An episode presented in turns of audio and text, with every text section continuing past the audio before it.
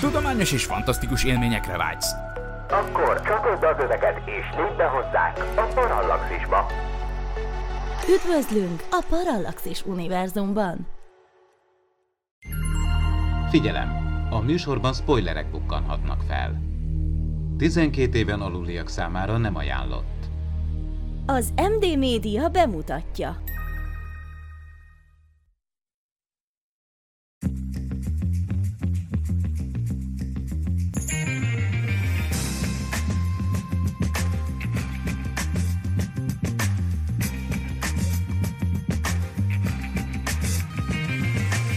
Ez itt a Média Zabálók, a Parallaxis Univerzum médiaipari podcastje. Sok szeretettel köszöntök mindenkit, ez a Média Zabálók ötödik része itt a Parallaxis Univerzumban, a mikrofonnál Horváth Ádám Tamás.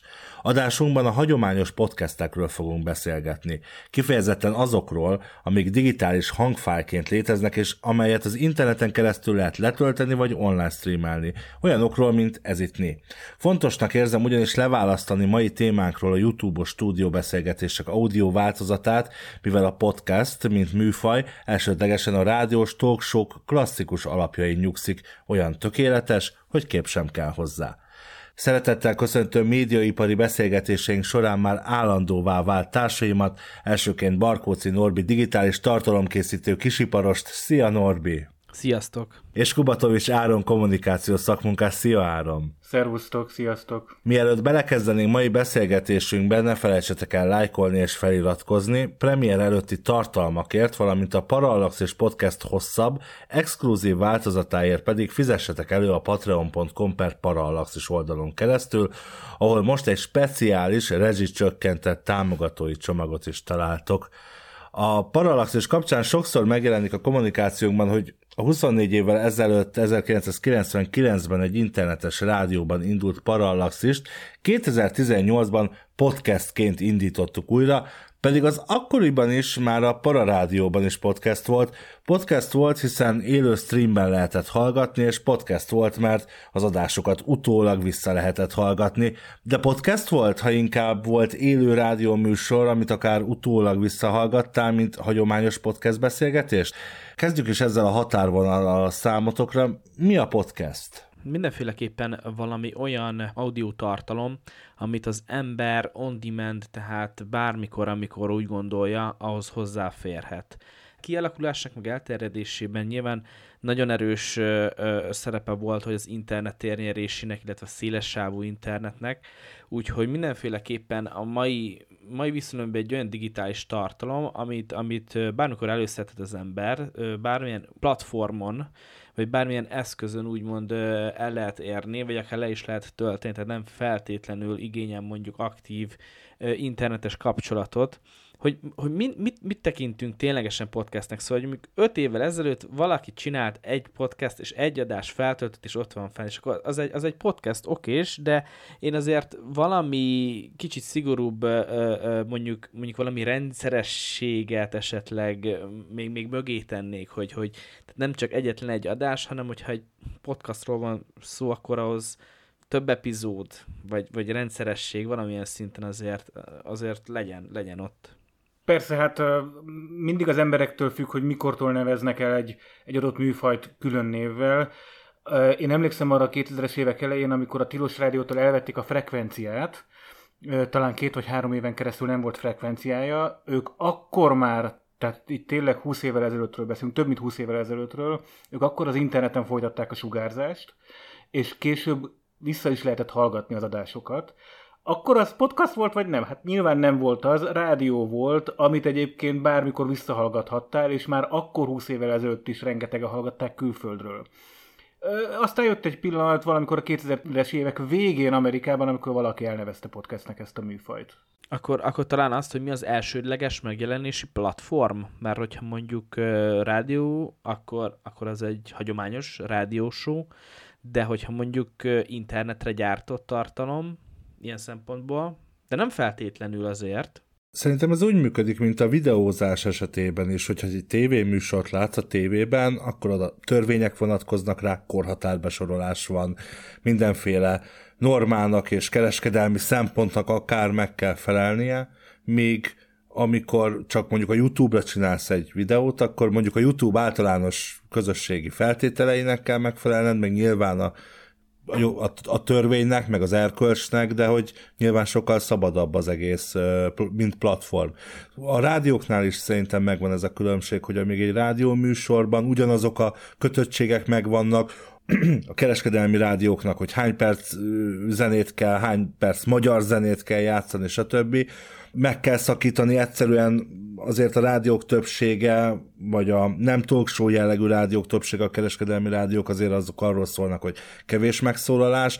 A hosszú, podcast-szerű talkshows beszélgetésekre azért más, és inkább ma már egy rétegigény bontakozott ki szerintem, vagy körvonalazódott. Tehát szerintem már kevesebben hallgatnak most, nem tudom, egy jó beszélgetést a jazzin, mint mondjuk a Rádió egyet délután a, a vezetés közben.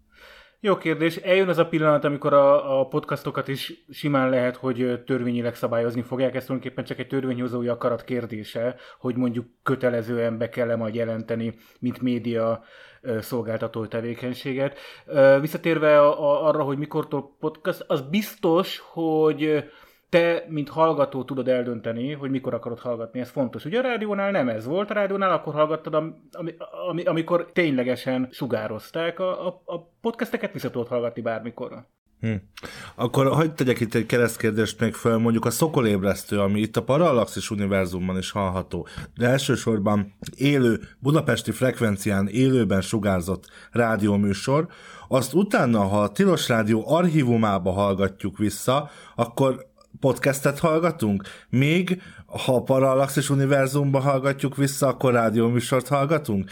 Tehát azért szerintem azért a határvonal nyilván nem ennyire éles, inkább a szokásjog és az egyéni akaratunk kérdése, hogy éppen mit tekintünk podcastnek, vagy mit nem. Ugye itt a műsor felkonfiában én például elmondtam, és szeretném a műsorban is ezt az elgondolást érvényesíteni, hogy mondjuk különböző tévécsatornák által, vagy nagyobb videós műhelyek által készített stúdió beszélgetések különböző podcast platformokra feltöltött változata, az számomra nem számít bele a klasszikus podcastnek a fogalmába, de még korábban Norbi mondott egy érdekeset, amin megakadt a fülem, még, és az a rendszeresség. Szerintetek egy jó podcast esetében mi az a rendszeresség, amit tartani kell, vagy jó tartani legalábbis. Itt ugye a parallaxis esetében azért látjuk és elmondható, hogy amikor valamiért egy kisebb szünetre kell vonulnunk, akkor bizony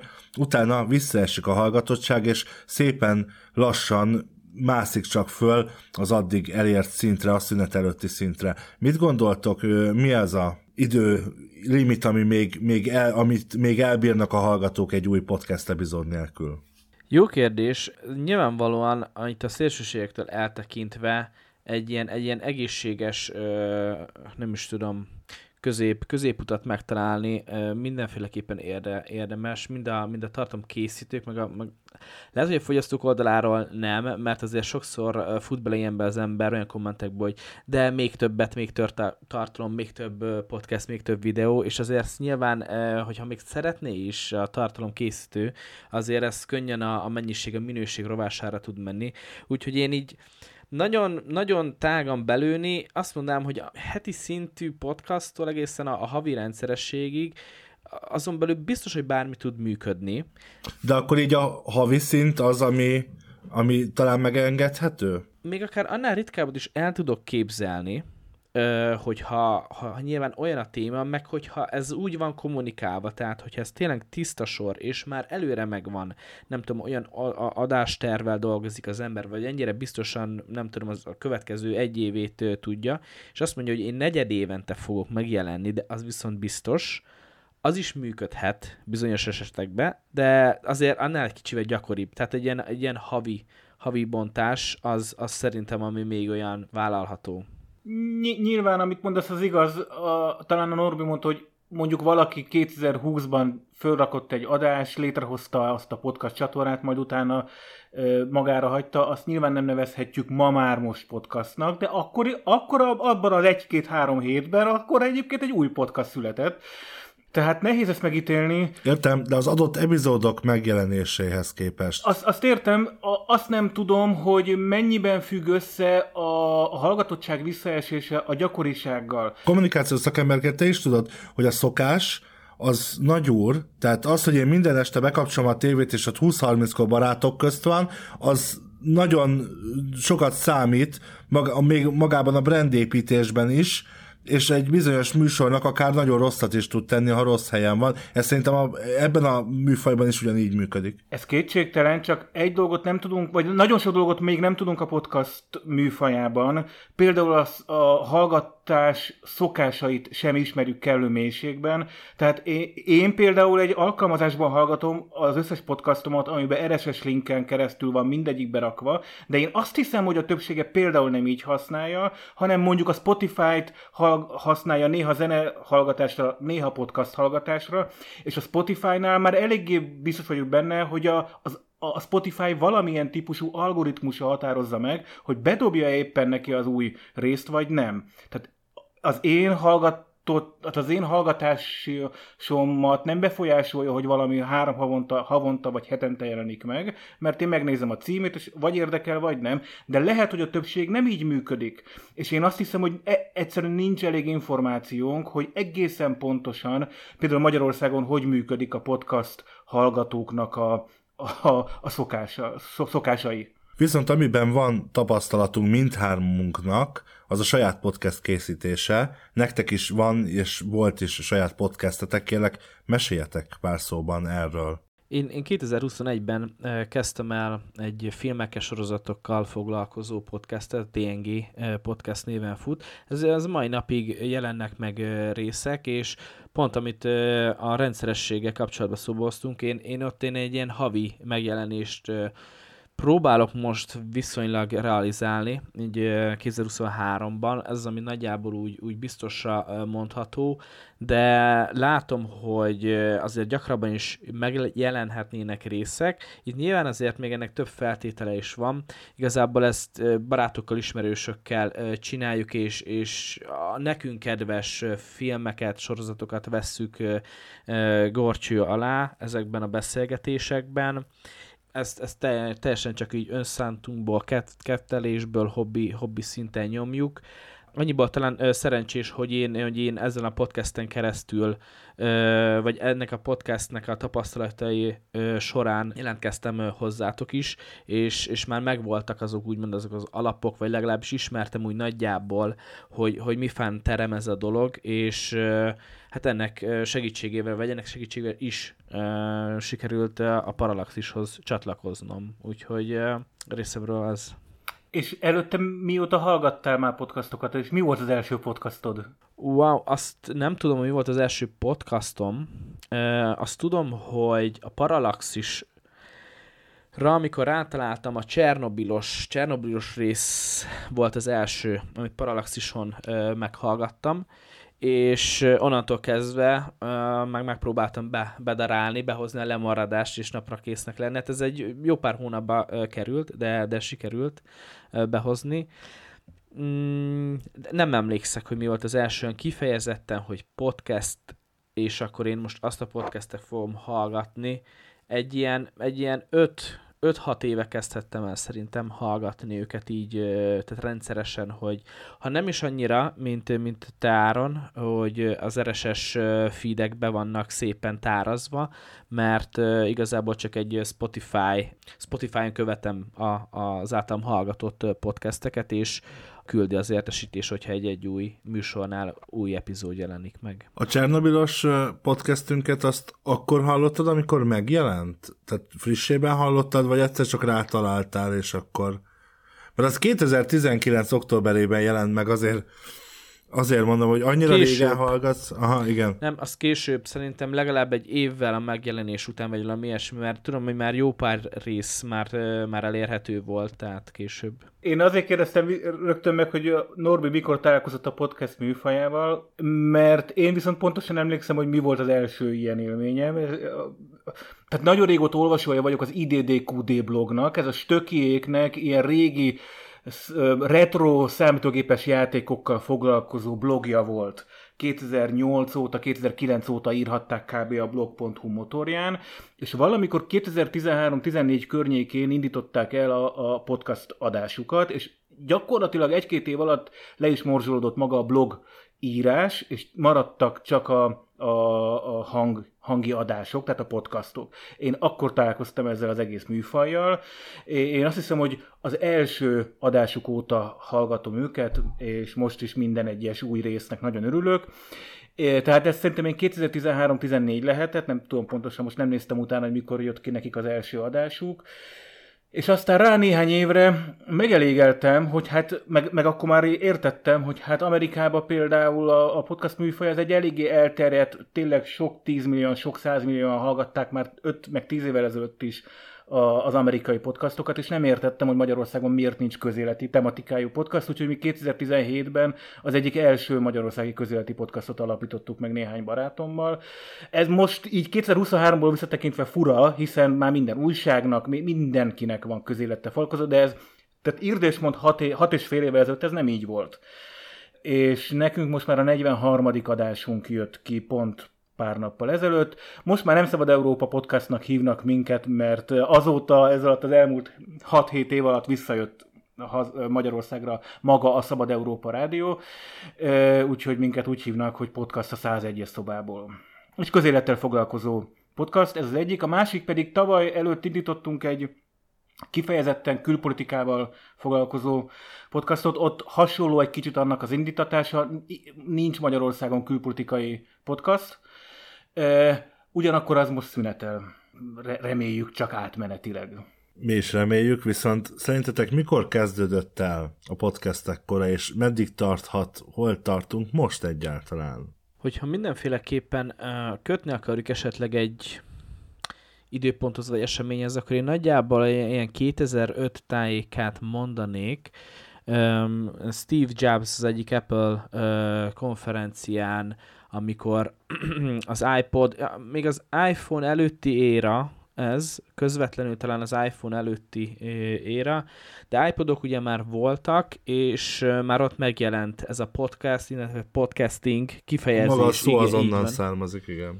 Így van, így van, így van, és akkor ez már, tehát ez már kifejezetten cél volt akkor, hogy le tudjuk tölteni, és, és bármikor meg tudjuk hallgatni az ilyen típusú tartalmakat, és, és szerintem is azok, azok a 2000-es évek közepe lehetett, amikor, amikor ez azért szélesebb körben elterjedt, azért ennek meg volt nyilván a maga, maga üteme, és ahogy mondtad is Áron, hogy elsőnek azért ez, ez Amerikába kifejezetten ott, ott futott be szerintem elsőnek, szélesebb közönséget is magába szippantva, és onnantól kezdve Nyilván az sok más, sok más ilyen folyamattal, vagy technológia újítása hasonlóan egy pár évvel később elérkezett ez hozzánk is. Úgyhogy ez, szerintem egy ilyen alsó hangon már lassan, lassan 18-20 éve már velünk van mindenféleképpen. Itthon egyébként az elmúlt körülbelül szerintem három évben futott föl. Három-négy évben. Nyilván a Covid ebben nagyot dobott, Szerintem a, a fejlődési szakaszának az elején Magyarországi viszonylatban. Norbi, szerinted Magyarországi viszonylatban hol tartunk? Jó, jó kérdés. Az biztos, hogy már az első fecskék azért már itt vannak velünk egy jó ideje, de mindig ilyenkor az van, hogy, hogy az innovációt, ha mondjuk ezt a podcastet, ezt a formátumot innovációnak tekintjük, akkor, akkor nem, nem a legnagyobb ö, cégek, vagy a legnagyobb ilyen ö, konstrukció fognak elsőnek rárepülni. Bocsáss meg, hát most már ugye miután mi például a Parallaxissal, és egy csomó más podcast, és az Impulzus podcast, és, és nagyon-nagyon sok más magyar nyelvű podcast itt vagyunk, akár 5-10 vagy akár több éve Magyarországon, és csináljuk ezeket, ezt a műfajt űzzük, addig most a 24.hu-tól, a 444-en át, a Telexig, aki éppen a napokba indított, vagy a felvétel napjaiba indított podcast szolgáltatást, vagy podcast műsorokat, de ez már nem a második lépés, mondjuk. Csak a kérdés az, hogy hány lépés van még ebben? Jó, jó kérdés. Hát igen, igen, most már az elmúlt időszakban mondjuk tényleg ilyen, ilyen post-covid óta ez, ez mindenféleképpen érzékelhető, hogy tényleg most már a nagy, nagy cégek és nagy nevek is, is kifejezetten úgymond profi körülmények között ezt, ezt nyomják és rákapcsoltak. Hogy hány lépcső foka lehet, Valószínűleg a megjelent, vagy a jelenlegi tartalmakon felül lesznek újabbak is, és egy idő után, mint mindenhol máshol, a piac majd valamennyire telítődni fog, és akkor onnantól kezdve meg, meg lehet, hogy elindul jobban kifejezett versengés, és akkor már úgymond az apróbb különbségek, minőségbeli, tartalombeli, műsorvezetőkbeli különbségek is jobban fognak dönteni. Még most szerintem, kifejezetten Magyarországon, elég, elég jó esély van rá, hogyha még most is, bár azért már most is szokták mondani, hogy tényleg már mindenkinek van podcastje, ez így azért nem feltétlenül igaz, de egyre több tartalmat és egyre szélesebb ö, dolgokat lehet elérni ö, magyar nyelven is, ez, ez tény és való. Azért itt még előttünk van néhány lépés, amit egyébként látjuk, hogy Nyugat-Európában hogyan fejlődött a, a podcast ipar, nevezük így, vagy iparág. Például hiányzik Magyarországon ennek az üzleti modellje, tehát hogy hogyan tud egy podcast úgy igazából pénzt csinálni. És... Ne szaladjunk ennyire előre. Jó, jó, csak mondom, hogy, hogy tehát ez, a, ez a lépés hiányzik, hiányzik az a lépés, ami szintén Nyugat-Európában már látjuk, hogy komplet műfajok hiányoznak Magyarországon. Tehát például a true crime, mint műfaj, én talán ha kettőt tudnék erre mondani itthonról, holott az Észak-Amerikában egy nagyon ismert és nagyon elismert műfaja, annak is több alműfaja van a true crime-nak, szóval hogy azért van itt még hova fejlődni, lehet látni pontosan, hogy a következő 5-10 évben mi fog majd itthon történni. Na, ha már profizmus, akkor szerintetek egy podcast legyen inkább szerkesztett, vagy kapcsoljuk be a mikrofont, aztán hadd szóljon? Nagyon jó kérdés. Én amikor elkezdtem csinálni, az elején pont azt hittem, hogy a formátum jellegéből adódóan, és hogy internetre készül elsősorban, és tényleg mindenki akkor veszi elő, állítja meg, és folytatja, amikor neki kényelmes. Úgy voltam vele, hogy bármi mehet, bármilyen hosszan, ami a csőn kifér, az utolsó gondolatunkat is adjuk ki, és akkor készen van.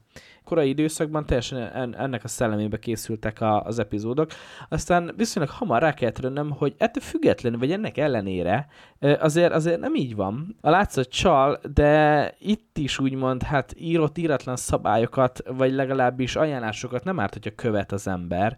Úgyhogy az elején még csak legfeljebb, nem tudom, a hibákat, bakikat, meg ilyesmiket vágtam ki az adásból, de ma, ma már azért sokkal jobban megvágom az adásokat. A felvételek hosszába is azt gondolná az ember, hogy az internet, a, a platform bármit elbír. Sajnos, sajnos nem. És én is kifejezetten azt mondom, sajnos, de nem. Figyeljetek, mindenki nyilván olyan podcastot csinál, amilyet akar és szeretne, és ez tök jó, remélhetőleg mindenki megtalálja a saját közönségét, ugyanakkor én is tudom, hogy én miket szeretek hallgatni, és elkezdek arra figyelni, hogy amit én nem szeretek hallgatni, azt én a saját podcastomban ne csináljam. Tehát ezért van az, hogy például mi is nagyon sokat vágunk, amit a Norbi mond, mert én egyébként személy szerint nem szeretek olyan podcastokat hallgatni, ahol rengeteget őznek, ahol, ahol nagyon lassan találják meg a szavakat, ahol halka az audio része, szóval, hogy ezzel van, van utómunka, a mi esetünkben úgy néz ki, ez mondjuk egy másfél órás adást, én legalább négy órán keresztül vágok, tehát hogy ez tényleg nagyon-nagyon sok munka, hogy abból körülbelül olyan minőség legyen, amit én azt hiszem, hogy én se kapcsolnék el. De ez nem azt jelenti, hogy így kell csinálni. Mindenki úgy csinál, hogy akarja.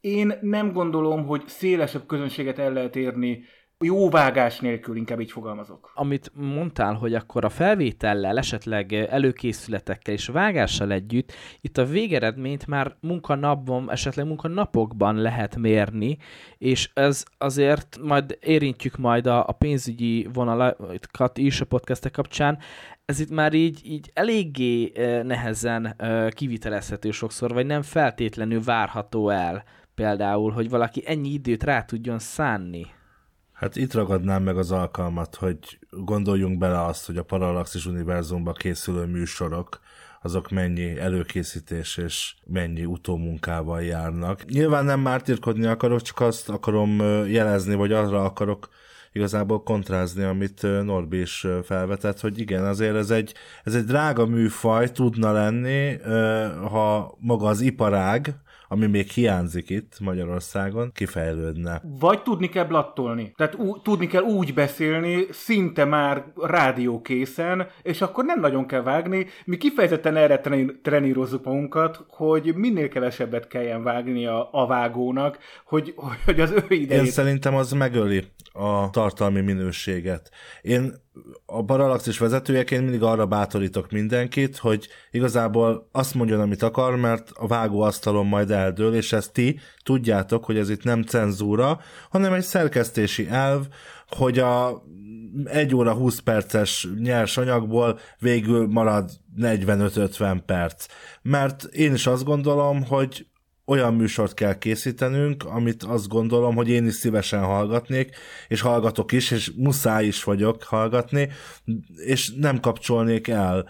És ehhez tényleg az kell, hogy a beszéd az pörgősebb legyen, nem gyorsítással, hanem szünetek, őzések kivágásával lehetőleg minél jobb minőségben, úgy, hogy a hallgatónak föl se tűnjön. Én azt gondolom, hogy aki például nagy törzs hallgatunk és hallgat minket a műsorba, az meglepődne, ha egy vágatlan adást meghallgatna, hogy abba nekem például milyen áramszüneteim és újrabútolásaim vannak néha, de ugyanígy mindenkinek megvan az a beszéd ritmusa, ami igazából az utómunka során egy kalap alá lesz vége, és a hallgató minél jobban igyekszünk ezzel a tak tak tak tak tak tak csak mondja, csak mondja, csak mondja, szinte már mindenki egymásra beszél, nincsenek nagyon fölösleges szövegek, ha valaki egy valamit elmondott, akkor az, ha valaki más csak annyit mond rá, hogy hát igen, én is ezt gondolom, az valószínűleg nem biztos, hogy ott, ott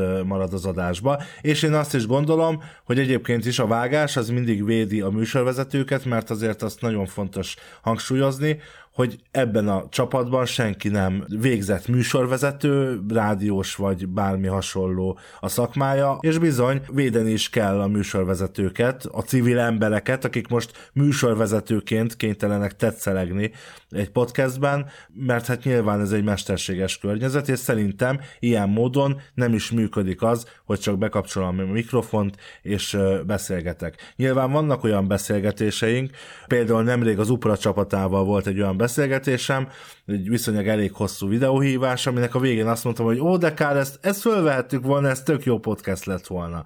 De ha úgy állunk neki, hogy most akkor csináljunk egy podcastet, az már megváltoztatja magát a hozzáállásunkat és magát a beszélgetést is. Ti szoktatok gyorsítva podcastot hallgatni? Podcastot nem szoktam, hogyha olyan, már, olyan volt többször, hogyha valami tutoriál videót nézek YouTube-on más, más témában, és azt gyorsan végre akarok jutni, akkor igen, de podcastot nem. És ha már itt a készítésnél tartunk, meg, és meg is említetted, hogy volt egy olyan beszélgetésed online, ami tök lett volna, hogyha abból podcast lesz.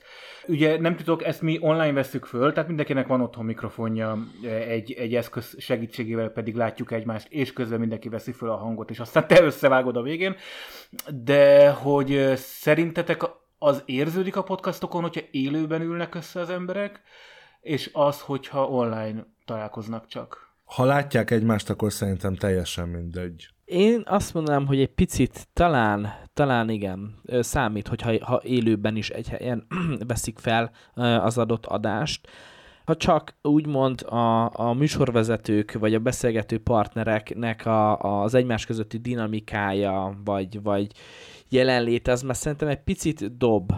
Nem vagyok benne biztos, hogy mondjuk a hallgatóknak ez, ez feltűnik, esetleg akkor lehet érdekes, hogyha mondjuk ugyanaz a műsor több formátumban is megjelenik, tehát egyszer van mondjuk valamikor videós, de van, amikor csak úgymond interneten keresztül veszik fel, akkor lehet, hogy, hogy előfordulhat, hogy van, van különbség, hogy az a kicsivel plusz, az a kicsivel több, az a kémia, az, az lehet, hogy, lehet, hogy pozitív hatással van rá mi a legfontosabb egy podcastben? Nyilván a tartalom, de mondjuk a hangminőség is, meg a minél egyszerűbb hozzáférhetőség. Ezek mekkora szempontok? Nekem az a tapasztalatom, hogy ami kezdetben nem igazán számított a hangminőség, úgy a podcastekben, vagy a magyar nyelvű podcastekben, ma már elengedhetetlen, hogy valaki jó hangminőségben ö, vegye fel a műsorait. Persze, persze, a korai időkben úgymond, amikor ezek megjelentek, főleg amikor az első magyar tartalmak jelentek, akkor, akkor egyrészt úgymond, oké, nem tudta, hogy mi ez az ember, és, és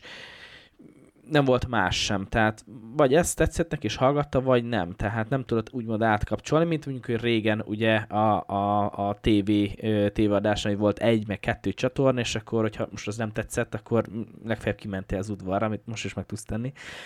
Úgyhogy akkor persze nem, de nyilván idővel a, a minőség is elkezdett fejlődni, és ettől függetlenül hozzátenném, hogy nem feltétlenül a fontos a minőség, de nem, nem a legfontosabb. Elsőlegesen nyilván mindenkinek a személyes preferenciája és a téma. Attól függ.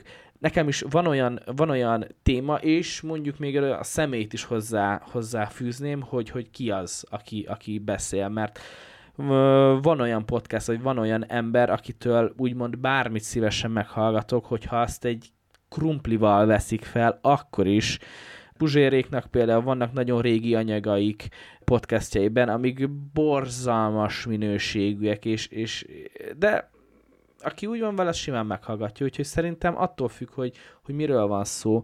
Ha valaki nagyon kíváncsi egy témára, vagy egy emberre, akkor, akkor attól függetlenül is meg tudja hallgatni, de nyilvánvalóan azért ez, ez nem árt, hogyha jó, jó a hang. De viszont még ezek mellett azt is mondanám, hogy, hogy igen, tehát hogy a, a soft skill a kommunikáció, hogy hogyan beszél, sokat őzik, ezeket mindenki azért persze, aki úgymond, aki nem tanulta ezeket, mint mi is, kifejezetten ezekre próbál figyelni és fejlődni ebbe, és az előadás módján is csiszolgatni, mert ezek mind abban segítenek, tehát hogy a hallgató komfortosan érezze magát, de azért ott van az is, hogy, hogy a szimpátia, hogy milyen az embernek a hangja, hogy, hogy egyetérte a gondolataival, hogyan fejezi ki magát. Ezek az apró dolgok is. Simán van olyan podcast, akit, amit nem hallgatok, nem szívesen hallgatok, hogyha valaki ott van, mert tudom, hogy én ezt nem szeretem az embert, de például ezt pozitívan is ki lehet ö, ö, hozni, hogy ha van olyan személy, akit imádok, akkor az mindegy, hogy hol van, meg, meg milyen műsorba hívják el, mert meg fogom nézni, meg kíváncsi vagyok rá ezek, ezek így összességében, mind, mind fontos. Én ezzel mindegyet értek, én csak annyival árnyalnám, mert egyébként ez kb. én is így mondtam volna el, de én annyival árnyalnám, hogy képzeljétek el, én például trenírozom magamat arra, van olyan podcast csatorna, aminek jó a tartalma, vagy mondjuk háromnegyedében jó a tartalom és érdekel, és nem szeretem a műsorvezetőket, és ennek ellenére szándékosan végighallgatom, mert érdekel a téma, és, és tulajdonképpen a magam lelki fejlődését trenírozom egy kicsit, ha lehet ilyen képzavarral érni, élni, hogy annak ellenére, hogy én őket nem kedvelem, mégis rászánom, rájuk szánom az időt, és megtisztelem őket azzal, hogy egyéb, mivel jó a téma, és egyébként izgalmasak adott esetben a meghívott vendégek, én akkor is végighallgatom. Ez nyilván nem törvényszerű, én is jobban szeretek olyanokat hallgatni, akik egyébként kevesebbet őznek, vagy, vagy szimpatikusabbak, vagy nem mondanak állandóan nagyon fura dolgokat, és szándékosan nem erősebben fogalmazok. Néha érdemes az embernek kilépnie a komfortzónájából, ez csak mint, mint, mint a saját személyes példámon akartam így tanácsot adni esetleg a hallgatóinknak. Na, ha már jó tartalom, akkor szerkesztésileg mi kell egy jó podcasthez? Mikor lesz népszerű egy podcast? Hát, ha ezt tudnánk. Igen, én ezt akartam mondani, hogy jegyzetelek, míg, míg ezt elmondjátok, mert erre, erre még nem... Mi, mi, mikor lesz, mikor bukik meg egy sorozat? Hát... Kell szerintetek adásmenet, vagy mondjuk nem kell, vagy van akinek szüksége van rá, és van olyan csapat, akinek szüksége van rá, és van olyan, akinek nincs egy jó arculat szerintem mindenképpen kell. Szerintem a mai világban menőnek kell lenni valamilyen úton, módon, legalábbis az adott célközönségedet nagyon jól kell tudnod belőni. Amint nagyon fontos, és ez nem a podcast műfajra specifikusan, hogy megtalálni a célcsoportot. Legjobb esetben az ugye, amikor a saját érdeklődési kör és a célcsoport megtalálja egymást, és akkor ez a két halmaz metszi egymást, és ez nem annyira egyszerű, mint, mint azt elsőnek gondolná az ember ö, ugye mi, mi lehet egy, mitől lehet egy népszerű, vagy mi lehet a titka annak, és hogy, hogy beszéltünk már például rendszerességről, oké, okay, fe, felkészülés, fel, felkészültség, esetleg írni előre adásnaplót, stb. Ez például szerintem kifejezetten az ember személyiségéből adódó ö, dolog. Én például nagyon ilyen tervező ö, típus vagyok, én megírom magamnak előre, milyen pontokról szeretnék beszélni, miután mi jön, nagyon precízen, talán egy kicsit túlságosan is. De aztán van a másik oldala is, hogy van, aki ö, teljesen spontán tud ö, a témákról beszélni, összeszedetten, ez azért fontos, és annak meg lehet, hogy erre nincs is szüksége, de én azért biztonságban érzem magam, hogyha mindig ott van egy mankó. És mind a kettőből ö, születhetnek jó, jó műsorok, úgyhogy szerintem ilyen szempontból nincs az, hogy egyetlen egy bevált lecep van. És, és az utolsó dolog, az megint csak úgy menni általános igazság, hogy nem elég valamiben jónak lenni, hanem hogy jónak is kell látszani. Tehát, hogy a, a marketing része amit például mondtál, Ádám, az arculat, tehát, hogy a világ legjobb podcastjét csinálhatjuk itt, bármit is jelentsen ez, hogy ha, ha, ha nem ismerik az emberek, ha, ha, ha, ha nem kattintanak rá, és, és ezek, ezek miatt nagyon-nagyon fontos a marketing része is. Én azt tudom az adásmenettel kapcsolatban elmondani, hogy én életemben múlt héten csináltam először adásmenetet, vagy csináltunk a, a saját podcastunknál. Én, én döbbenten olvasom, hogy a mi saját adásmenetünk, a médiazabálók adásmenet, ez mennyire profi van összerakva, hogy itt tulajdonképpen én most tanulom, így 43 saját adás után, tulajdonképpen hogy kell adásmenetet csinálni. Tehát lehet a nélkül is csinálni, lehet, hogy, hogy hogy mi majd most fogunk szárnyalni a saját, izé, a saját podcastunkkal, így, hogy most már adásmenetet is csinálunk. Igaz, mi spontán beszéltünk, mindig személyesen jöttünk össze, és azt hiszem, hogy elég jól tudott mindenki kapcsolódni a témákhoz, amiket, amiket beszéltünk. Itt a magyar nyelvű podcastek már szóba jöttek többször. Szerintetek hány magyar nyelvű aktív podcast lehet most 2023-ban? Én három évvel ezelőtt láttam egy felmérést, ott, ott, ilyen, ott is már ilyen 3-400 aktívról volt szó. Egyébként abból a felmérésből, csak hogy visszacsatoljak egy, egy perccel, vagy pár perccel ezelőttre, abban a felmérésben az derült ki, hogy meglepően fontos a hallgatóknak a, minő, a hangminőség, de természetesen a tartalma a legfontosabb. Én, én, én, szóval nekem az én podcast lejátszomban 2000 körül van beállítva, de nem aktívak, tehát ez, e, itt, itt ez fontos, 2000 podcast van, ami nek van RSS linkje, zárójel, a podcast az, aminek van RSS linkje, én most hozok egy, hozok egy, egy definíciót, de én eléggé biztos vagyok benne, hogy, hogy, hogy közelíti azért az ezret, a, a, azok a podcastok, amik aktívak. Az aktív alatt én azt értem, hogy mondjuk fél éven belül volt adása. De ebbe benne van például az összes rádió, olyan adása, aminek van RSS linkje, és fölrakják podcast felületekre, tehát ebbe azért nagyon sok minden, mindenben van állítva, nekem mindegyikbe van állítva, vagy hát én azt képzelem, hogy mindegyikbe van állítva, nem nagyon találok mostanában már újakat, csak azokat, amiket most alapítanak. Norbi rólad pont tudom, meg tudjuk, hogy ilyen 30-35 podcastet hallgatsz így van, így van, így van. Körülbelül annyi azoknak a számok, amiket tényleg rendszeresen fogyasztok, hallgatok. Ennek döntő része magyar, egy nagyon kevés angol nyelvű podcastot hallgatok. Ennek igazából a nyelvi korlát az oka, az angol, az angol hallott szövegnél sokkal jobban kell figyelnem. Erről, erről még talán most így nem, nem volt szó, hogy az emberek, kifejezetten én is, ilyen kiegészítő tevékenység ként sokszor uh, hallgatok, tehát autóvezetéstől kezdve valami monoton munkát csinál az ember, és akkor hallgat valamit, és uh, nekem az angol tudásom nem áll olyan szinten, hogy, uh, hogy tényleg csak háttérzajként is fel tudjam fogni az angol szöveget. A magyarra még oké is, de az angolra figyelnem kell, úgyhogy azt, azt, uh, azt célzottan szoktam csak hallgatni. Hogy milyen a parallaxis? Tudományos? Fantasztikus? Vicces? Elgondolkodtató? Olyan tökéletes, hogy kép sem kell hozzá? Légy részese tudományos és fantasztikus utazásainknak, lépj be univerzumunk színes világába, és légy a támogatónk! A részleteket keresd a Parallaxis univerzumban.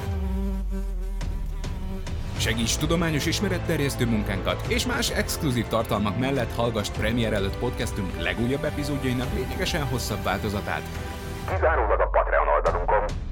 Még több Miklós, még több Norbi, még több Géza, még több Ádám, még több Parallaxis Podcast. A hosszabb jobb. Patreon.com per Parallaxis. Hát én bevallom nektek, én nem hallgatok podcasteket, de ti van olyan podcast, amiből kifejezetten inspirálódtok? Persze, persze, ilyen szempontból ö, egy csomó, csomó olyan hely van, ahol úgymond az ember ihletet, illetve referenciaként ezeket tudja használni, és szerintem alapjáraton ezzel nincsen semmi baj. Nyilván egy ilyen műsorra való felkészülés, vagy bármilyen kutató munka, ez, ez, ez jelenti, ez, ez előzi meg, hogy az ember olvas, videót néz, podcastet hallgat a témában, és ilyenkor nyilván egy csomó új aspektusok is jönnek, amikre alapjáraton nem is gondolnék, és akkor hoppá, persze, hát ez tök jó, akkor utána olvasok ennek a témának is. De inkább kifejezetten azt mondanám, hogy azokat a podcasteket, vagy, vagy olyanokat ö, szeretek legszívesebben hallgatni, ahol, ahol ö, összefüggően is tényleg jól struktúráltan tudnak beszélni egy-egy témáról, amikor, amikor vannak mondjuk érvek és ellenérvek egy-egy témában. Ezt mi is ö, sokszor ö, magunk között szoktuk beszélni, hogy nem feltétlenül az a legjobb adás, amikor valami egy film mondjuk mindenkinek tetszett, mert akkor az könnyen unalomba tud fulladni. Sokkal jobb az, amikor egy, egészséges vita, nem veszekedés, ez fontos, hanem egy jó vita alakul ki, és mindenki a saját álláspontját meg tudja esetleg védeni. Az ilyen típusú tartalom, ami nekem kifejezetten tetszik. Én, én inspirálódni így, így nem szoktam. Azt viszont akkor itt, itt most elmondom, hogy nekem nagyon hiányzik, hogy igazi true crime legyen Magyarországon. A true crime alatt nem azt értem, hogy amit most csinálnak, mert van egy pár, ma, most ez úgy működik, hogy feldolgoznak már létező bűneseteket. Ez, egyébként ez is izgalmas lehet, meg tudni, de, de olyan, ami tényleg Észak-Amerikában van, hogy ott nyomoznak, tehát hogy az a két-három podcaster, vagy podcast host, azok, azok csinálnak adásokat arról, hogy éppen hol tart a nyomozás, de elmennek hely, a, a helyszínre, ott megszólaltatnak embereket, ők maguk kikutatják a bizonyítékokat, tehát hogy ilyen van Amerikában, hogy ténylegesen valami, szóval ez nagyon izgalmas lehet, én ebből nagyon szívesen inspirálódnék ilyen magyar podcastból, akkor ezt így, így fogalmazom át. Sajnos egyikőtök sem mondta azt, hogy a Parallaxis Podcast műsoraiból, vagy Parallaxis Podcast univerzum műsoraiból inspirálódik, úgyhogy kedves hallgatók, ez így egy utolsó adás akkor a két kollégának, nem viccelek. Azért a Parallaxis az messze kiemelkedik. Most nem azért, mert, mert én is itt vagyok, vagy csatlakoztam a Parallaxishoz, tehát ténylegesen messze kiemelkedik szerintem a, a hazai podcast univerzumból. Egyrészt a, az, hogy nagyon sokféle témával foglalkozik, mindegyik témában van olyan, tehát valahogyan csatlakozni akar a, a, még a bulváros témákban is valamennyire a tudományhoz, és amikor pedig a tudomány népszerűsíti, az, az tehát, hogy sajnos mióta például a Zsíros László Robert elhallgatott, vagy nagyon ritkán tesz ki új podcast epizódot. Tényleg hiánypótló szerepe van annak, hogy, hogy a tudomány népszerűsítő podcast adások legyenek, ilyen az űrös műsor, ilyen a többi, szóval, hogy ez, ez tök fontos. Tehát nem is inspirálódni nem, hanem, hanem ez tényleg nagyon fontos terület szerintem. Én, én is csak azért, hogy védjem magamat paralaxis oldalról, én visszahallgatni magamat nagyon nem szeretem vágóasztalon ez nyilván sajnos ö, megkerülhetetlen, amikor mm, saját magam anyagát vágom, és ezért sajnos az elő tud fordulni, hogy olyan paralaxis adásokat, amikben én szerepeltem, én azokat nagyon ritkán hallgatom vissza, de azokat imádom, amikor én nem vagyok benne, úgyhogy... Hát akkor nyertünk egy műsorvezetőt, és veszítettünk egy hallgatót, amikor csatlakoztál. Viszont szerintetek milyen műfajból milyen tematikából kéne még több a magyar nyelvű podcast piacra? Vagy inkább podcast szénába, vagy mert azért piacnak ezt még jó indulattal sem nevezném, de ez még egy kicsit később. Én, én akkor én, én tudok azért mondani a műfajt szerintem, ami még hiányzik a, a True Crime mellett. Magyarországon azt hiszem nem nagyon van olyan podcast, ahol mondjuk egy adott könyvsorozatot, vagy, vagy vagy ilyen, ilyen világokat, hogy kell ezt megfogalmazni, ilyen, ilyen ró... Univerzumokat. Univerzumokat, ez az. Franchise-okat. Franchise-okat földolgoznak, és mondjuk végig mennek egy könyvsorozaton, és részről részre elolvasnak mondjuk öt fejezetet, és arról beszélgetnek. Pont a, az egyik interjú voltunk a saját podcastunkban, az a Szikra nevű mozgalom egyik elnökségi tagja volt, és ők például csinálnak ilyet a saját mozgalmukon belül, hogy ilyen, ilyen filozófiai műveket olvasnak, és akkor erről csinálnak beszélgetést. Partizánnak is voltak ilyen podcastjai. Szerintem lehetne több több ilyen. Akkor ehhez kapcsolódó, én például tökre örülnék egy olyan podcastnak, ami képregényeket dolgoz föl, vagy arról beszélgetnek, de nem úgy, hogy megint ki, hogy kijött a Wolverine, vagy kijött a Marvel legújabb képregénye, hanem mit tudom én, rászánnak két adás, és mondjuk csak a Hodorovszkinak a, a metabáróiról, mit én, földolgozzák egybe a tartalmat, és a második adásban pedig arról beszélnek, hogy az miért izgalmas, és a kettő között eltelik egy hónap, és kiadják házi feladatul a hallgatóknak, hogy oké, okay, akkor most ti is olvassátok el, és akkor egy hónap múlva találkozunk. Szóval, hogy például képregényekről úgy beszélni, hogy nem mit képregény univerzumról, hanem, hanem így ilyen ismeretteresztő módon, és szándékosan nem Marvelt vagy a DC-t mondanám, hanem a európai képregények, a francia képregények, dél-amerikai képregények, és így tovább. Ki tud alakulni olyasfajta rajongás a klasszikus podcastekben szereplőkkel szemben, mint a népszerű youtuberek vagy influencerek kapcsán, akár csak megközelítőleg is. Szóval azért én nem számítok arra, hogy a benzinkúton vagy a boltban felismerik a hangomat. De rajongókkal még nem találkoztam, erről még nem, nem tudok, de minden esetre ki, ki, ki tud valamiféle közelebbi kapcsolat a, a podcast tartalom előkészítés a hallgatója között, még ha ez eléggé egy, egy oldalú is, mivel nyilván a másik nem tud az egyiknek a létezéséről, de ettől függetlenül úgy érzi az ember egy idő után, hogyha valakit rendszeresen évekig hallgat, hogy, hogy azt, az, azt az embert már ismeri, megkedvelte, szimpatikus, úgyhogy persze, ez, ez, ez ki tud alakulni, függetlenül, hogy, hogy elég egyirányú. Ez nagyon izgalmas, amit mondasz. Én azt hiszem, hogy, hogy talán a Parallaxis nem az, tehát az valóban túl uh, underground uh, témát dolgoz föl, tehát, tehát hogy nem, nem igazán mainstream a Parallaxis által vitt témák, de egyébként ki tud alakulni, de ennél azért, azért már jobb a helyzet még Magyarországon is, tehát legalább 6-8 olyan podcast van, akik például közösség találkozókat nem egyet csináltak, és ezek elég jól szoktak működni. Csinált ilyet a Vakfolt, ami egy filmes podcast. Csinál ilyet a Hihetetlen Történelem, ami egy tök jó, egy házaspár, fiatal házaspár csinálja, ők is most már csináltak ö, ö, közönségtalálkozót. Ott van a Stökiék, amit már én említettem, az IDDQD, ők fél évente csinálnak, hogy élőben veszik föl a egy-egy adás, és ott tényleg 50-en, 100-an oda jönnek. Nyilván olyankor tapogatják is a podcastereket. A 24.hu-nak is most már a, ugye neki péntekenként minden héten jön ki egy ilyen hételemző műsoruk, és idehoznám még az Árnyékot is, az Árnyék nevű podcastnak is volt már találkozók, és az is sikerült. Tehát ugye ezért így van, van, van most már kapcsolat, és a, a Hack és Lángos ugye ők egy internet technológiával és internet biztonsággal foglalkozó nagyon izgalmas, hogyha valaki egy kicsit geek, akkor annak nagyon ajánlom. Ők a Telegramon tartják a kapcsolatot a saját hallgatóikkal, és nagyon jól működik az ottani közösség. Arra céloztam, hogy mondjuk a tévébe láttam az E Sebestyén Balást, és most nagyon gazdag, sok pénze van, nagy sztár, ha elmegy egy műsorba, az garantáltan egy millióan megnézik a Youtube-on. Most lényegtelen, hogy rádiózik, és most mondtam egy nagy sztárt Magyarországon, aki tévéből lesz sztár.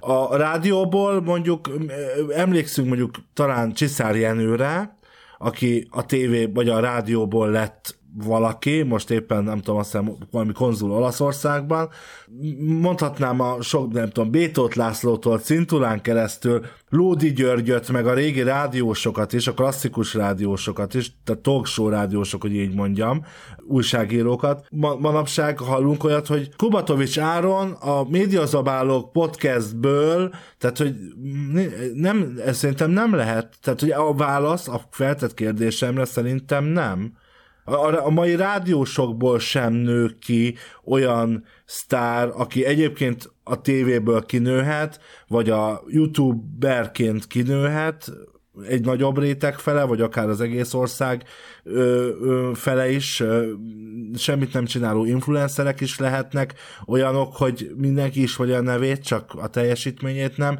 de én szerintem a podcasterek közül nem, nem nincs az, hogy, hogy de az Ádám a Parallaxisból, tehát hogy a saját jogán lehet valaki azért, tehát a Miklós, az nem tudom, behívnák sokszor a tévéműsorokba, és oda vállalna ő fellépést, vagy elmenetelt, mint nem tudom, a vicces fizikus, akkor ő ki tudna magának egy olyan karriert csinálni, most mondtam egy példát, de, de akkor sem a szokolébresztő, vagy a Parallaxis műsorvezetőjeként lenne ő híres csak saját jogán. Szerintem általánosabb igazad van, de mint mindenben itt is van kivétel.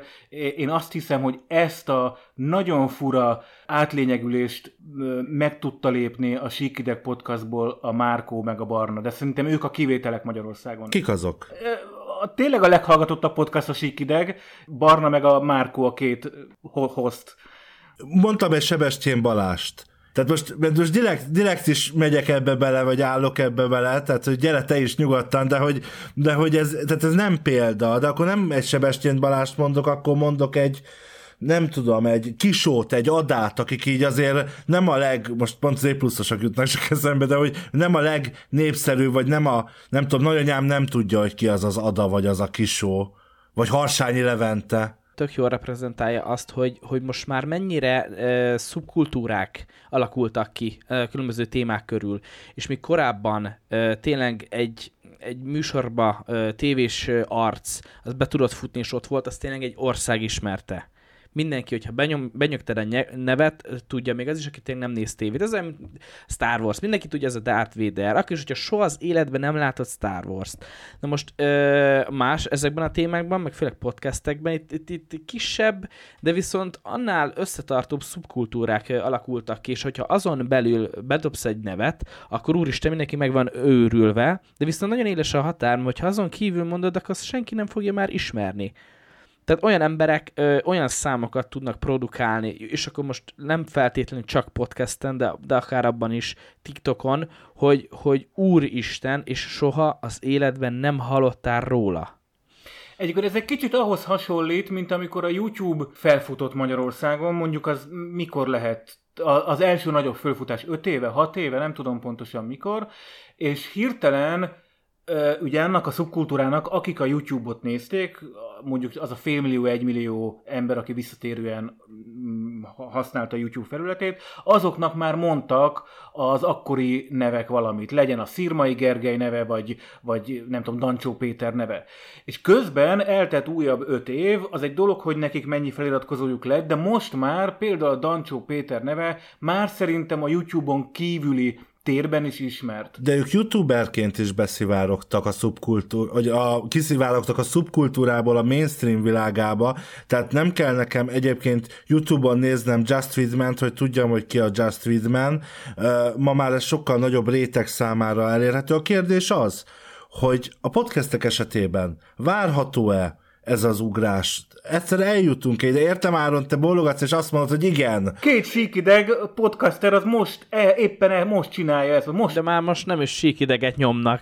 Már most hajóssal nyomják. Most a hajóssal nyomják a potpeden például, igen. Ja, ez a, ja, az a Licényi, Licényi Márkó. Látod? Neked is megvan. Oké, okay, mentor volt az X-faktorba gyerekek, évekkel ezelőtt. Több ember fogja, én onnan ismerem, én előtte se tudtam, hogy most nem akarom pellengére állítani, meg nem, nem akarom megbántani sem, egyébként így bírom így a, mondjuk hogy a képernyőn keresztül, vagy én is nézem a hajóssal a Probléma című probléma műsorukat, de ettől független, ami ugyanúgy nem tartok podcastnek, tehát én videós formátumban, szerintem podcastként csak hangként kevésbé működik annyira a dolog szerintem, de mindenképpen szórakoztató, szóval nem megbántani akarom őket, ezt akarom mondani, vagy, vagy lenézni, vagy ilyen arroga, arrogánstak lenni, csak a másik nevet nem is ismerem, és most is percek kellettek, hogy lehessen azt, hogy, hogy kiről van szó, a Márkóról, akit egyébként, ha egyáltalán nem tudom, hogy mi ez a Síkideg podcast, de azt tudom, hogy a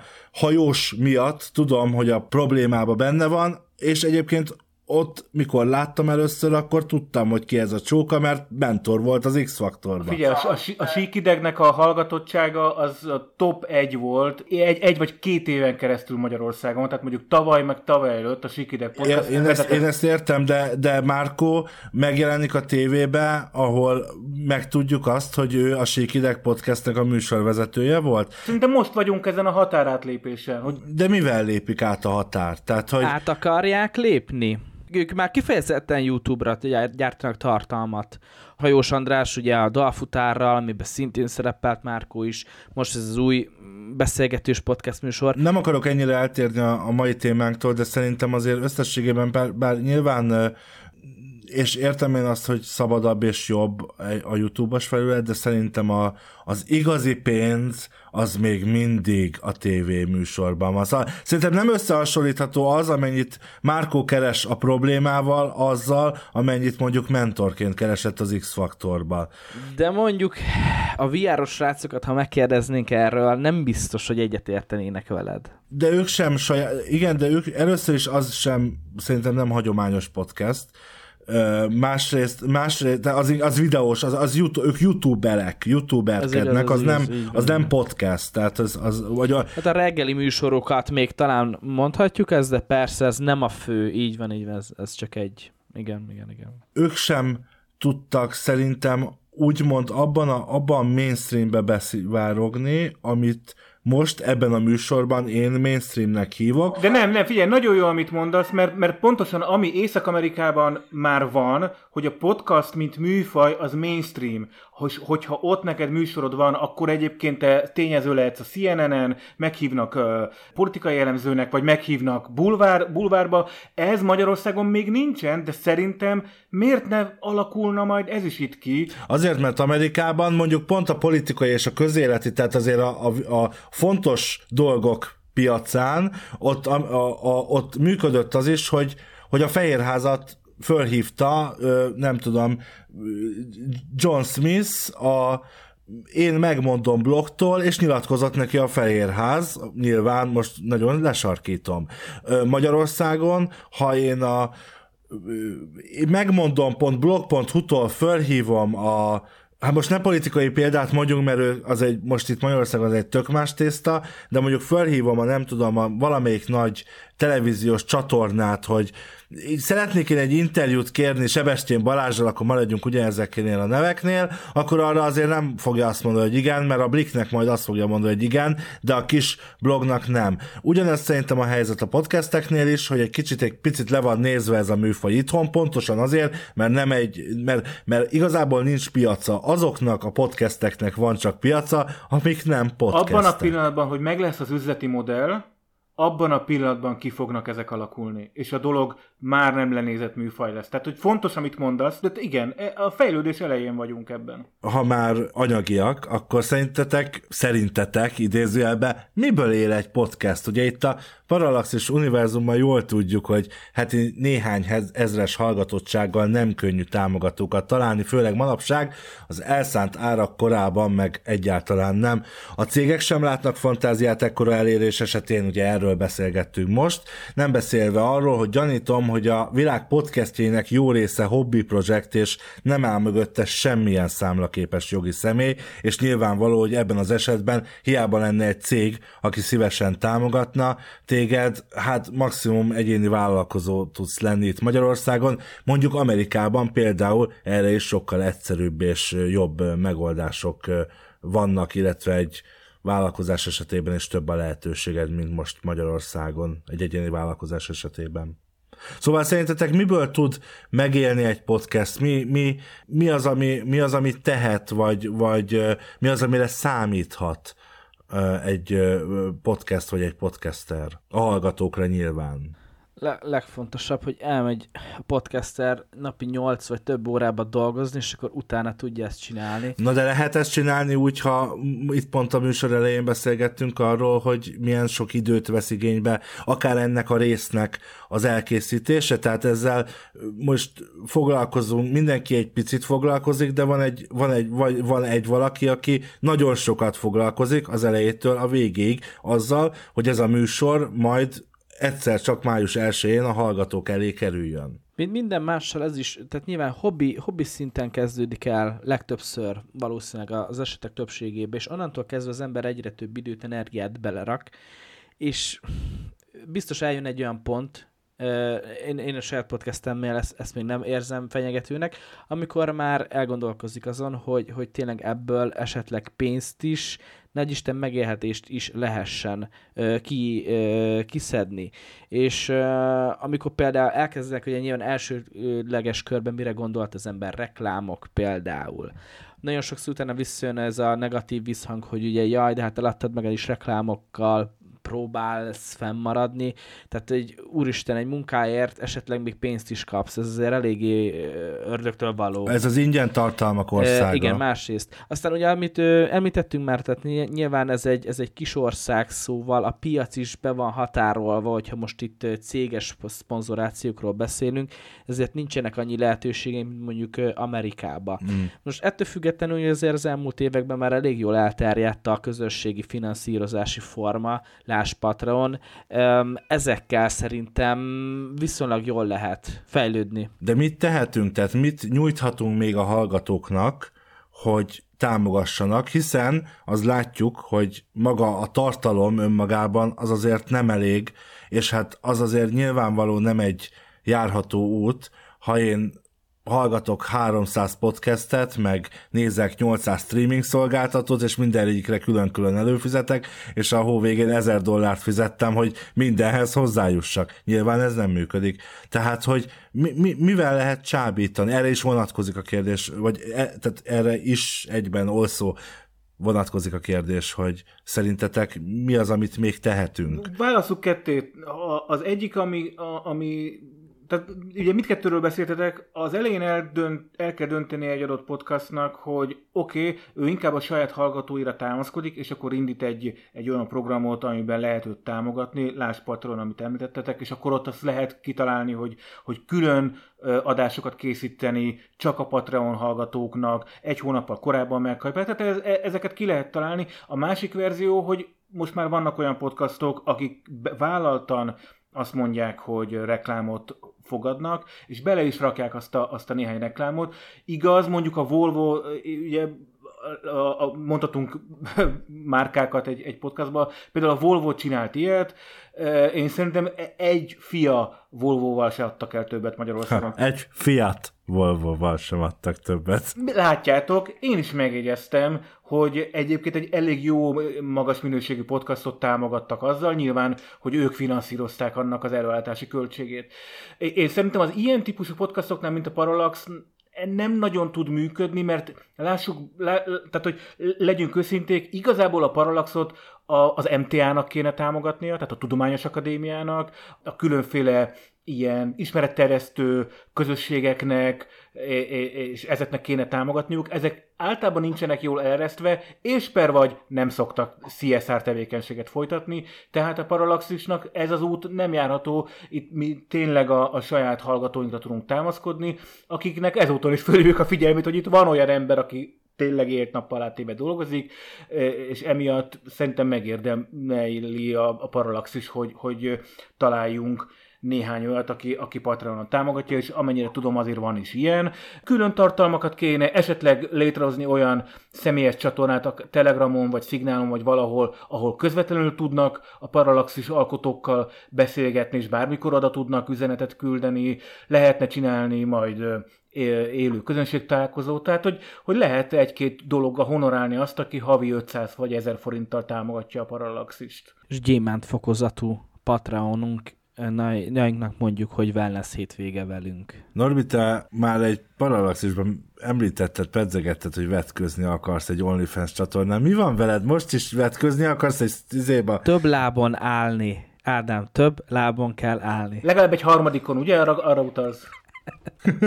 no, végezetül, ha már szóba jött a Parallaxis podcast, akkor söprögessünk egy kicsit a saját házunk táján is. Szerintetek mennyi lehet még a Parallaxis podcastben és a csatornákhoz tartozó műsorokban? Nem akarom sugalni a választ, de én sokszor elmondtam már a stábon belül, hogy maximum a tizedik évadig szeretném csinálni. Ez egyébként 170 epizódot jelent, most járunk a 85 környékén, szóval a fele még hátra van, és mivel évente 20 részt készítünk, szóval talán benne van még, még 5 év, azt hiszem. Már csak abban a szempontból is szerintem alul, alul becsülted.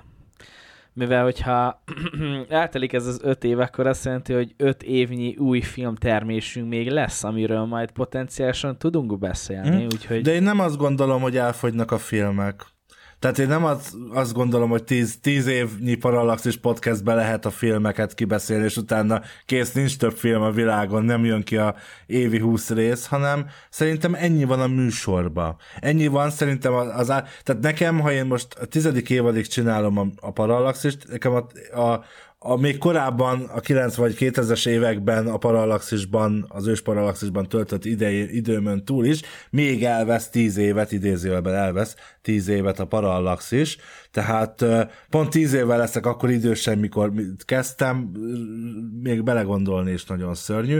Szóval szerintem, mint egy sorozatba, vagy mint bármi másba, egy tévés produkcióba, van akár a műsorvezetői oldalról, akár nyilván a közönség oldaláról egy, egy végső limit, és szerintem ez a Parallaxis podcast esetében nagyjából, vagy hát szerintem a meggyőződésem szerint kb. a tizedik évadig lehet. Nézd, én nem látok ennyire előre, úgyhogy lehet, hogy neked van igazad, de én azt mondanám, hogy egy ilyen műfajban, mint a podcast, simán benne van olyan akkora mértékű rugalmasság, hogy azért ez évek alatt tud esetleg annyit változni, esetleg új utakra, új, új műsorokkal készülni, hogy, hogy tovább tud menni, ha nem is feltétlenül az eredeti koncepció alapján, de nyilván ahhoz, ahhoz valami közelítés. Úgyhogy én, én, én nem szívesen húzok ilyen, ilyen határvonalakat, hogy tudom, hogy addig, és akkor mert annyi van benne, mert, mert hát ha. Úgyhogy én, én, én szeretném, ha, ha még több lenne, és még több, és még több, és még több. Én nagyon izgalmasat találom, hogy, hogy te ennyire tudatosan készülsz arról, jó, akkor tíz év. Én azt hiszem, hogy öt év múlva akkor itt, ide majd térjünk vissza, hogy, hogy például mennyire leszel elfáradva. Én hallgatok egy olyan podcastot rendszeresen, viszonylag rendszeresen, amit úgy hívnak, hogy Gomba Presszó. A Gomba Presszó 20 valahány éve csinálja, most már klasszikus értelme podcastként, de korábban ők, ők rádióadás voltak, vagy rádióműsor voltak, ők 1040-nél tartanak most. Minden héten, pénteken, vagy figyeljetek, élőben csinálják a podcastot. Úgy élőben, hogy be lehet telefonálni. Ezt csak azért mondtam ide, hogy, hogy ki lehet találni itt olyan flickflakkokat, aminél lehet, hogy a kilencedik évnél azt fogod mondani, hogy ú, ez tök izgalmas, kicsit csavarjunk az egész műfajon, vagy találjunk ki valami mást, és érdemes arra is készülni, hogy hogy mi van akkor, hogyha ha Parallaxis tovább működik, és te, mint aki az egésznek a motorja, a, a drive-ja, a, a szervezője vagy, te így hátradőlsz, örülsz annak, hogy a többiek megcsinálják, a, a, az, a, a, a gép forog, az alkotó pián, hogy Madács Imrét idézem, és, és egyébként a Parallaxis csinálja az, ami a dolga. Szóval én, én, én, én, én, én, én, én döbbente hallgatom, hogy, hogy ennyire tudatos vagy. Szerintem térjünk ide vissza kilenc és fél év múlva. Vagy mi? Négy és fél év múlva. Ezt csak így most zárójelben mondom, ezt nem fogom benne hagyni, de a, hogy mondjam, szóval kurva sok a munka vele. Azért, azért küldjenek Patreon. Amennyi, amennyi, amennyi szükséges. Tehát, hogy már sokáig azt gondolom, hogy még, még mondjuk egy öt évig, nem gondolom azt, hogy hogy léte, tehát ez üzleti modellként ebben a műfajban így tudna működni úgy, hogy én annyi, annyi pénzt keressünk vele, hogy legalább engem eltartson, és akkor már nem beszéltem arról, hogy azért nyilván az már világ pofátlansága lenne, de, de én azt gondolom, hogy ennyi pénz soha nem lesz benne, ilyen formában biztos nem. Magát a márkát el tudnám képzelni, akkor csinálok belőle egy ilyen ö, olyan tévésót, ami, ami összeszedek rá annyi pénzt, csinálok belőle egy olyan tévésót, olyan közreműködőkkel, akik már kurvára nem ti vagytok, és akkor egy valami tök más jön létre, de, de én ennél tovább, tehát én nem, nem tervezem, hogy ebből ö, van az a pénz, amiért leülnék a csapattal beszélgetni, hogy, hogy valami tévéműsort csináljunk mert érkezett egy ilyen megkeresés, és anyagilag is megéri, és hogy gond, beszéljük meg, de én ennek semmilyen egyáltalán nincs ebbe semmi, tehát nem, nem hiszek benne, hogy ez valaha megtörténik, és és pont ezért. Tehát azt gondolom, hogyha a pénz van a parallaxisból, ezt az utolsó, amit így adáson kívül elmondok, tehát hogy a, a pénz van a parallaxisból, az nem a műsorok miatt van, hanem kapcsolt merchandising, vagy bármi hasonló, vagy mondjuk például, amit mondta, hogy a Miklós valaki lesz, és egyszerűen bevonz olyan anyagi fedezetet mondjuk ide is, csak most mondtam egy példát. Tehát mondjuk a Nobel-díjat kapna a Miklós, és a Nobel-díjas műsorvezetőnk lenne, akkor például biztosan, hogy megnőne az ázsiónk. Legalább a olyan körökben, ahol, ahol mondjuk mit tudom, az MTA, vagy LKH, vagy valahol, ahonnan azért egy kis pénz csúradna, ha bizonyos esetekben. Na ne, na de, akkor térjünk vissza azért a műsorra, mely a vége fele. Szóval ha azt állítom, hogy a rádióműsorok evolúciója a podcast, akkor szerintetek mi lehet majd a következő ugrás ezen a területen? Merre és meddig tart a podcast ekkora? Nagyon jól hajtozik a Norbi. Én, én, én, én, én abban látok fantáziát, amit az előbb említettem, hogy élőben csinálni, és be is lehet telefonálni. Ez, ez például lehet egy, lehet egy izgalmas fejlődés. Tehát az már egy rádióműsor Ugye? tulajdonképpen. Az visszalépés. Bár a streamingeknél is pont valami hasonló visszalépésről beszéltünk, és egy újra feltalálásról. Nyilván itt is a rádióműsorokat találjuk fel újra és újra. Igen, szerintem is igen, tehát hogy nincs, nincs új a nap alatt, és hogyha ilyen, ha mondjuk az interaktivitást vesszük elő, hogy, hogy azt, azon lehetne fejleszteni betelefonálással, livestreamben valaki bedob egy témát, és akkor arra reflektálunk, stb. stb. Nyilván ezek vannak, ezek, ezek lehetőségek, de összességében lehet, hogy, lehet, hogy azért is, akik szeretik ezt a, ezt a műfajt, azért szeretik, mert egyszerűen csak berakja és hallgatja, és nincs, nincs semmi extra. Tehát ilyen szempontból én mondjuk egy ilyen, egy ilyen ellentétének képzelem el a podcast műfaját, mint mondjuk a, a, a TikTok videókat. Ez egy, ez egy ilyen fura, egyenesen a két ellentétes végén, már csak azért is, mert azok nagyon-nagyon rövid, fél, egy perces kis rövid kis videók, amiben nagyon, nagyon gyorsan kell, és nagyon minimális információt tudsz átadni, és akkor ennek sz- ezzel ellentétesen a podcast azok általában hosszabb hangvételűek, és egy, egy témát jól körbe lehet ö, ö, járni ö, ezekkel, és lehet, hogy pont ezért is szeretik az emberek, hogy hosszan, nincsenek megszakítások, és egy, és egy témát alaposan körbe tudnak járni, és ilyen szempontból, hogyha ez változna, vagy valami, valamivel mód tovább fejlődne, így ez a, ez a téma, akkor meg megint már valami más lenne.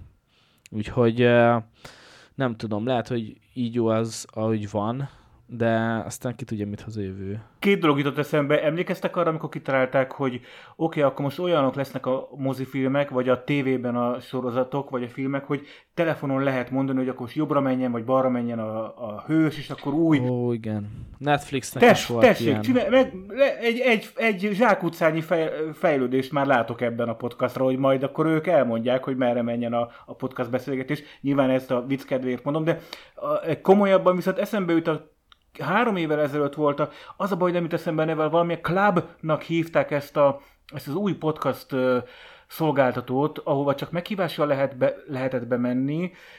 Tényleg nem jut eszembe, milyen clubnak hívták, és, és ott az volt, hogy podcast beszélgetések, a hallgatók egymással, ilyen, ilyen ilyen közösségi médiaként is működött, vagy közösségi felületként is működött, és aztán becsődöltek és eltűntek, de hogy ők is, az például egy olyan startup volt, ami próbált valami fajta fejlődést behozni a podcast világába.